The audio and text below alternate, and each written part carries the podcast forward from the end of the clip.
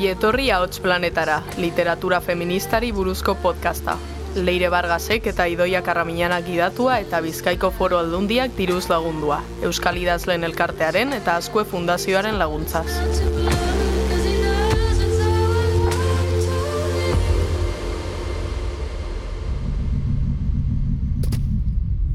Leire, hortik zaude? Irakurri berri dugun lan hau komentatu behar dugu. Ho, eta meretzi lore diozu. Ai, bai, zelako bidaia pia gustatu zait. Bai, era bat. Irakurtzen hasten sarenean ez dakizu zen olako labirintoan sartu zaren, baina irakurketak aurrera egin ahala ulertzen duzu sarbide bidaiaren zerbait baduela, iniziatikoa edo. Bai, bete-betean asmatu gaztainagak. Izan ere protagonistak ematen duen urratz bakoitzean, hortxak topatzen dugu ezaguna zaigun, baina hala ere nolabait harritzen gaituen pertsonaia ez gizonezkoren bat. Amankai gaztainaga sagaztazu Guayakilen, Ekuadorren jaio zen, mila bederatzireun eta larogeiko abuztuaren sortzian. Han bost urte igaro ondoren, familia Euskal Herrira etorri zen bueltan, zestoara hain zuzen. Aktorea izateaz gain, musikaria, abeslaria eta antzerki zuzendaria ere bada. Bere lanagatik, errekonozimendu eta sari desberdinak jaso egin ditu. Besteak beste, zinebiko euskal zuzendari onenaren saria. Hogeita meretzi lore dugu bere azken lana, 2008 batean Susa argitaletxeak plazaratua. Bai, bada proposamen ezberdina ez da, bai literarioa, baina baita ere eszenikoa. Eta egileak berak gainera itzaurre moduko horretan esaltzen duen bezala lan garrantzitsua da bihotzetik sortutakoa delako. Ez, antza esan ziotela idatzi nahi duzuna. Eta bueno, ba, horri, horri egin zion. Dai, autu ausarta egin zuen baita egin ere, ze ez da erraza kanpo baldintzak eta presioak alde batera utzi eta esatea, ba, benetan barruak diostana e, sortuko dut mm, askatasunez. Askotan askatasuna ez dago gure esko, da. Bai, askatasuna. Gainera, behin liburua osorik irakurrita bakarrik hasieran agertzen den elkarrizketari zentzua hartzen diot. Sentitu eskua, nirea, tinko, sentitzen duzu? Bai, edo agian ez, ez dakit. Ez dakit hau sentitzea den. Izan daiteke ala ez. Ez dakit jada hau sentitzea den. Ez dakit sentitzen. Uf, guri buruz ari da, ez? Galdu dugu sentitzeko almena. Bueno, edo galdu baino beldur diogu. Bai, hori da. Gauza atzeginak ala mingarriak senti ditzakegu. Baina nola mugatu, hori ez da?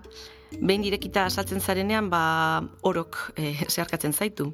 Nik uste dut hori dela bizitzaren gakoa azken baten, ez? Eta gugan alako sentipenen biltegia edo erregistro alako bat osatzen joatea. Ha, begira, gustatu zait irudi hori gure gorputzak emozioen apalategi gisa. Bai, hori bera.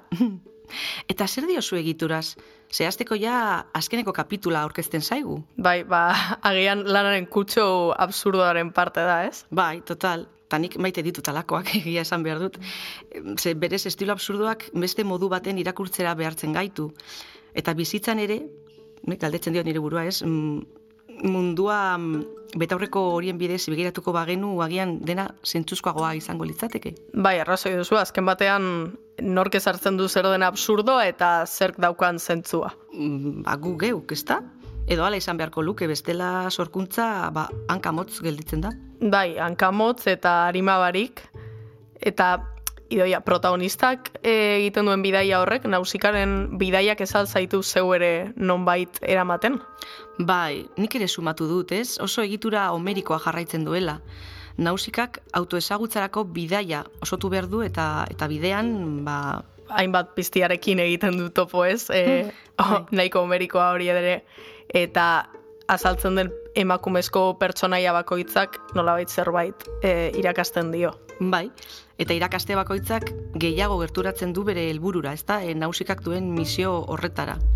Bai, iruditzen zait gainera, e, ba, antzerki egitura edo forma honek e, argumentuari bizitza eta e, mami handia ematen diola, eta zu ze pertsonaiarekin sentitzen zara identifikatuen. Uh, hori galdera, ba ez dakit, eta zu?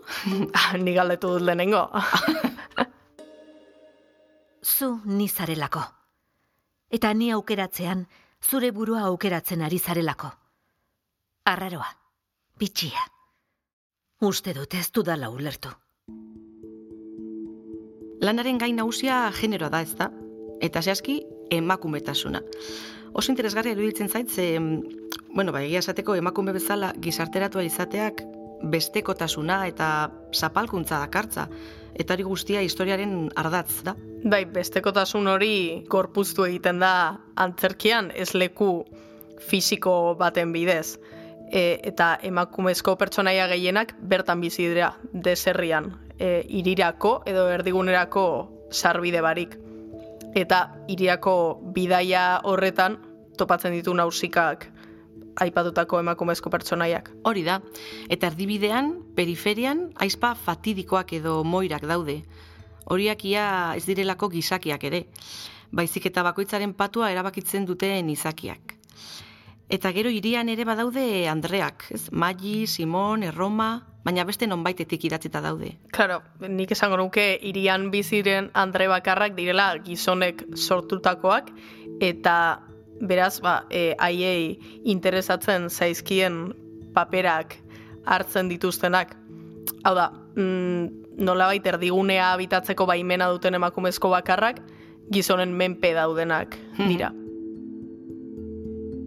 Eta gero pertsonaia guzti horiek izen deigarriak, ez? Esoizkoak dauzkate, klasikoak dira batzuk. Haien ezaugarriak eta arketipoak eh, ezagunak egin zitzaizkidan hasieratik. Baina gero obraren ostean, ez? Agertzen den pertsonaien inventarioarekin ulertu nuen zergaitik. Claro, hor konturatzen gara zergaitik diren guztiak ezagunak, ez? E, pertsonaia klasikoetan dutelako jatorria, eta sarreran aipatzen du gaztainagak, ez? E, antzerkia sortzerakoan zeukan asmoetako bat zela ikustea zeitsura edukiko luketen e, pertsonaia emakumezko hauek emakumeek idatziak balira. Bai, Erroma Atenea jainkosa grekoa da. Irene Arakne. Simon Inana jainkosa sumertarra.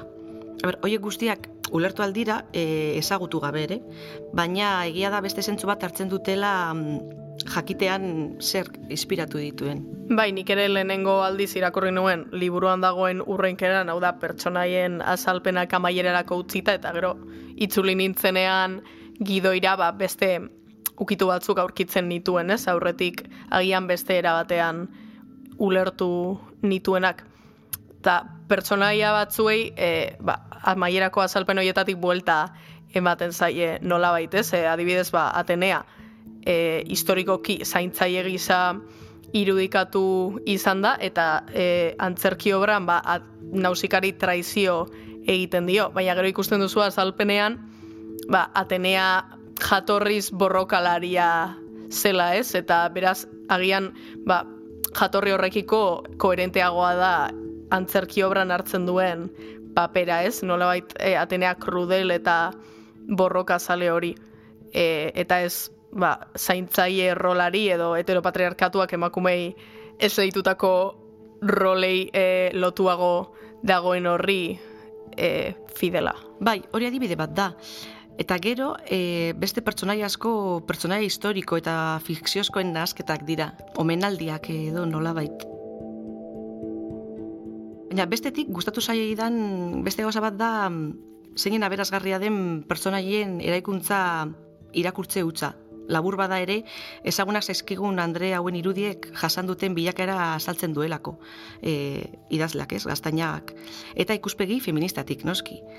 Eta baita ere, fikzio sortzaile ikuspuntutik. Bereziki gogoan dut e, gaur egungo pertsonaia femenino gehienak antigonak e, direlakoa. Ez? Perfektuak e, eta patriarkatuak e, nahi duen e, ba, bueno, eredukoak.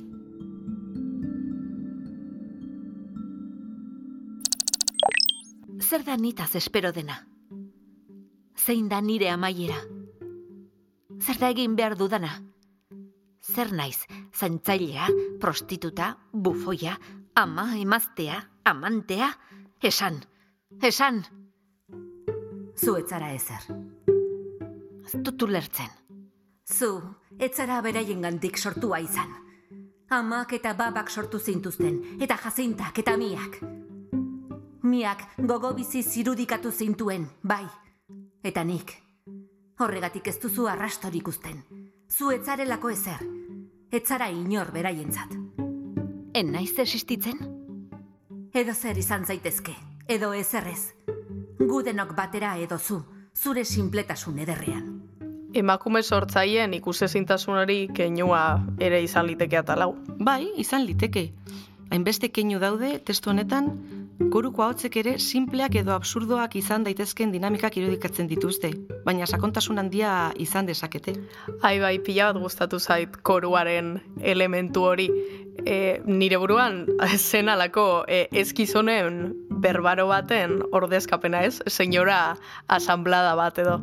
Eta bertan ba, erreferentzia asko aurkitu ditut, ez dakit nik asmatuak edo benetan hor propio ipiniak. A ber, adibidez, kontatu? Ba, adibidez, e, atal honetan, Gaizki esan duzu. Ez. Bai. Ez. Beti esaten duzu dena gaizki. Gogoratu azkenengoz gertatu zena. Bere errua izan zen. Ez nirea. Baina ona ekar gintuen. Ez duzu inoiz aztuko kontu txatxu hori. ba, nik automatikoki pentsatu nuen kontutxatxu hori esatean Adan eta Ebaren historioa sari zirela. Ah, bai, nik ez dut pentsatu, baina batek daki. Izan ziteken eta baita beste gauza asko ere. Horixe da honen sarma. Bai, jo, eta espazioa ere oso interesgarria da, ezta? E, iriaren periferiaren eta deserriaren esan nahi simboliko horiek. Bai, eh, esan dugun bezala, deserrian egongo lirateke emakume txarrak, ezta? Heteropatriarkatuak onartu ez dituenak. Eta irian, aldiz, ba, gizonak eta haien menpeko andreak, ba, Erroma, Magi, A, Bai, eta iriko Andre hauek e, rol ezberdinak betetzen dituzte gizonak azebetetzeko orduan, eta gainera gizonezko pertsonaia nagusia kiles jainkotzat hartzen dute, eta ura zerbitzatzeko bizi dira, ba, nahiko adierazgarria. Bai, noski. Mm, iria hasieratik asaltzen zaigu anabasa espazio bezala. Eta bertan, ba, ritmoak eh, frenetikoa dira, guztiz ezbizigarriak. Baina gizonak aldiz, beti festan daude bertan. Emakumeak dituztelako haiek zerbitzatzen, e, eskutuko lanetan. Bai, bai, hori da. Eta maili adibidez, emakumeen sexualizazioa gorpusten duen pertsonaia da. Ze haien artean nahi badute ere, haren beharrei inoiz ezaie begiratzen. Boa, bai, eta zeona den mailen deskribapena, nola dio? Bai, beitu hemen daukate entzun. Maili ez da inoiz korritzen, baina zuk baietz uste duzu perfektua delako. Sexu makina. Fuertea da hori ez da? Bai, kristonen paragrafoa da. Pertsonai tiraka beste hainbat gai ukitzen dira horrez gain, e, genero perspektibatik beti ere. Bai, adibidez amatasuna. Amaren pertsonaia badaukagu hor, babarekin batera nausika ezi duena. Baina gero asaltzen da medea ordezkatzen duela. Bai, jo, e, niri kuriosoa egin zitzaidan hasieran kontuan izanik, ba, e, ikuspuntu feminista batetik ari garela, obran ama pertsonaiak ama izena edukitzea, eta ez benetako izenik nola baita esateko, baina uste dut aldi berean ba, hori dela gertatzen dena bizitzan, ez? E, norbait ama bilakatzen denean, haren ezaugarri guztiak e, albo batera geratzen dira, ama izatera mugatzen da pertsona hori, eta haien izenez ere ez dugu deitzen. Arrazoi osoa duzu, eta medearen kasuan baita kontrara ere. Ze gaztainagak asaltzen duenez, ama txarra izan zenez gero, ama etiketak kendu zaio eta sorgin bezala irudikatu da gehiago. Bai, argi dago hemen emakumeen kontra edo zelan erabiltzen dela edo zein etiketa. Bai. Auzi zehatzak badauzkagu, baina existentzialagoak ere gordetzen ditu obrak, ezta? E, galdera botatzen du. Zer ginateke gure generotik abiatuta eta gure generoaren barruan irakurriak ez bagina. Noski eta hori da muineko kontua. Noraino eraikitzen gaituen kanpo begiradak eta kanpo begirada hori noraino baldintzatzen duen generoak. Bai, eta gaitza da erantzuten. Baina beno, nik esango nuke amaieran proposamen moduko bat dagoela. Obraren amaieran metro kuadrotik ateratzeko proposamena. Askatasunerako bide bezala, edo heteropatriarkoatari uko egite alda adierazi nahi dena. Ba, nik ala ulertu dut, nolabait emakume izateari usteko proposamen bat bezala. Eta hor, ba, bakoitza aurki beza bere bidea. Amaieran gatazka horri egiten diote aurre gizonik idatzitako pertsonaiek, ak eta miak. Ze, geratzeaz ari dira, ezta? Geratu edo ez geratu. Eta amaiera ireki samarra da. Zuk adibidez, ze jaso duzu hortik? Jo, ba, e, kontziente naiz nire erara interpretatu dudala hau ere, eta pentsatuko duzu kriston harrikada dela, baina nire ustez bi pertsonaiek haien patua onartzen dute, ez? E, gizonek idazia onartzen dute, eta mm, hartzen du nolabait suizidio baten itxura, ez? Niri hori iradoki dit. Wow, bueno, Bale, bai, kriston harrikada, ez? ez ez, interesgarria da. Eta zuk zer ulertu duzu? Ba, a ber, egia esateko ez daukat oso argi, baina transmititzen didate mm, bakea, ez dakit, libre direla, ez? Hasiera berri baten bila doazelako, idatzita ez dagoen horretara. Eta orduan, igual bai, suziotatu dira, baina gizonezkoen idazkietatik. A ber, nola litzateke hori, beren testuaz beste egin dutela. Bale, hori itxaropentsuagoa da.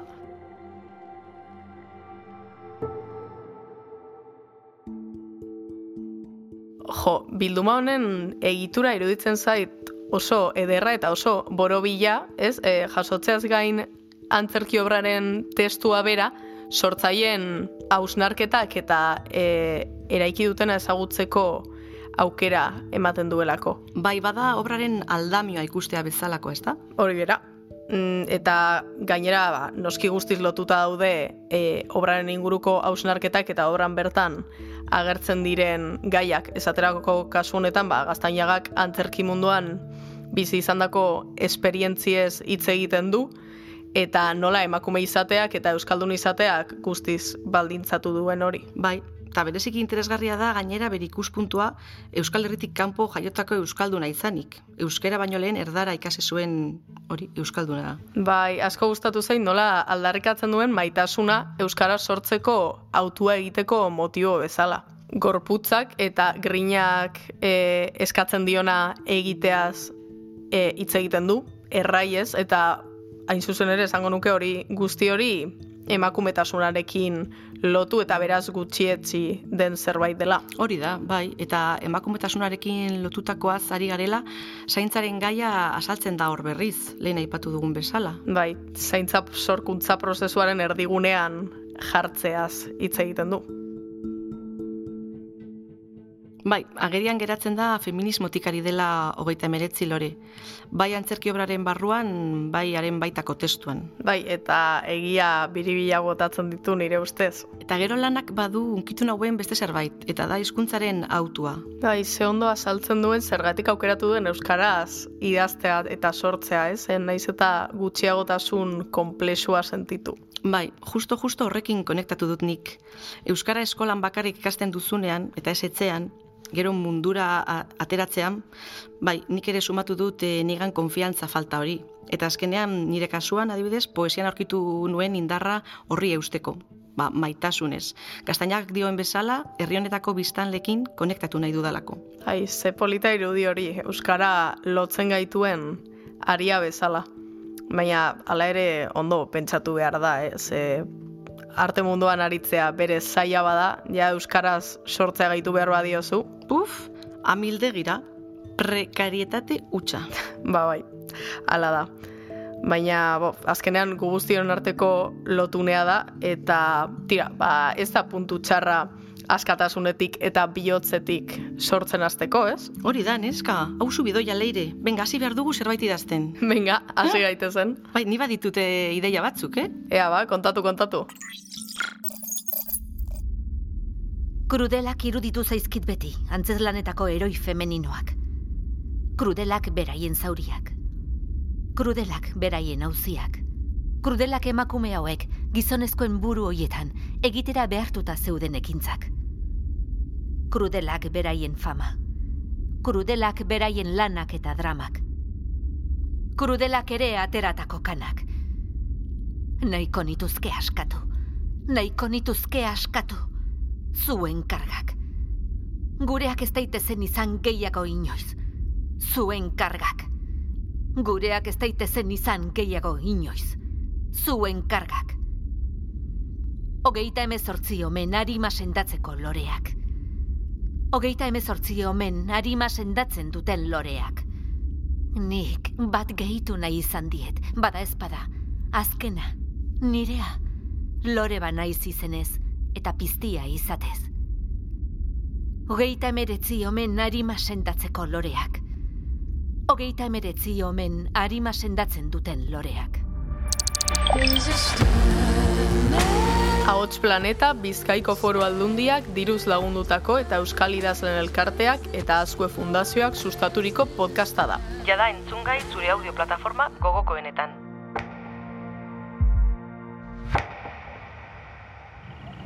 Ei, txt, entzun hori.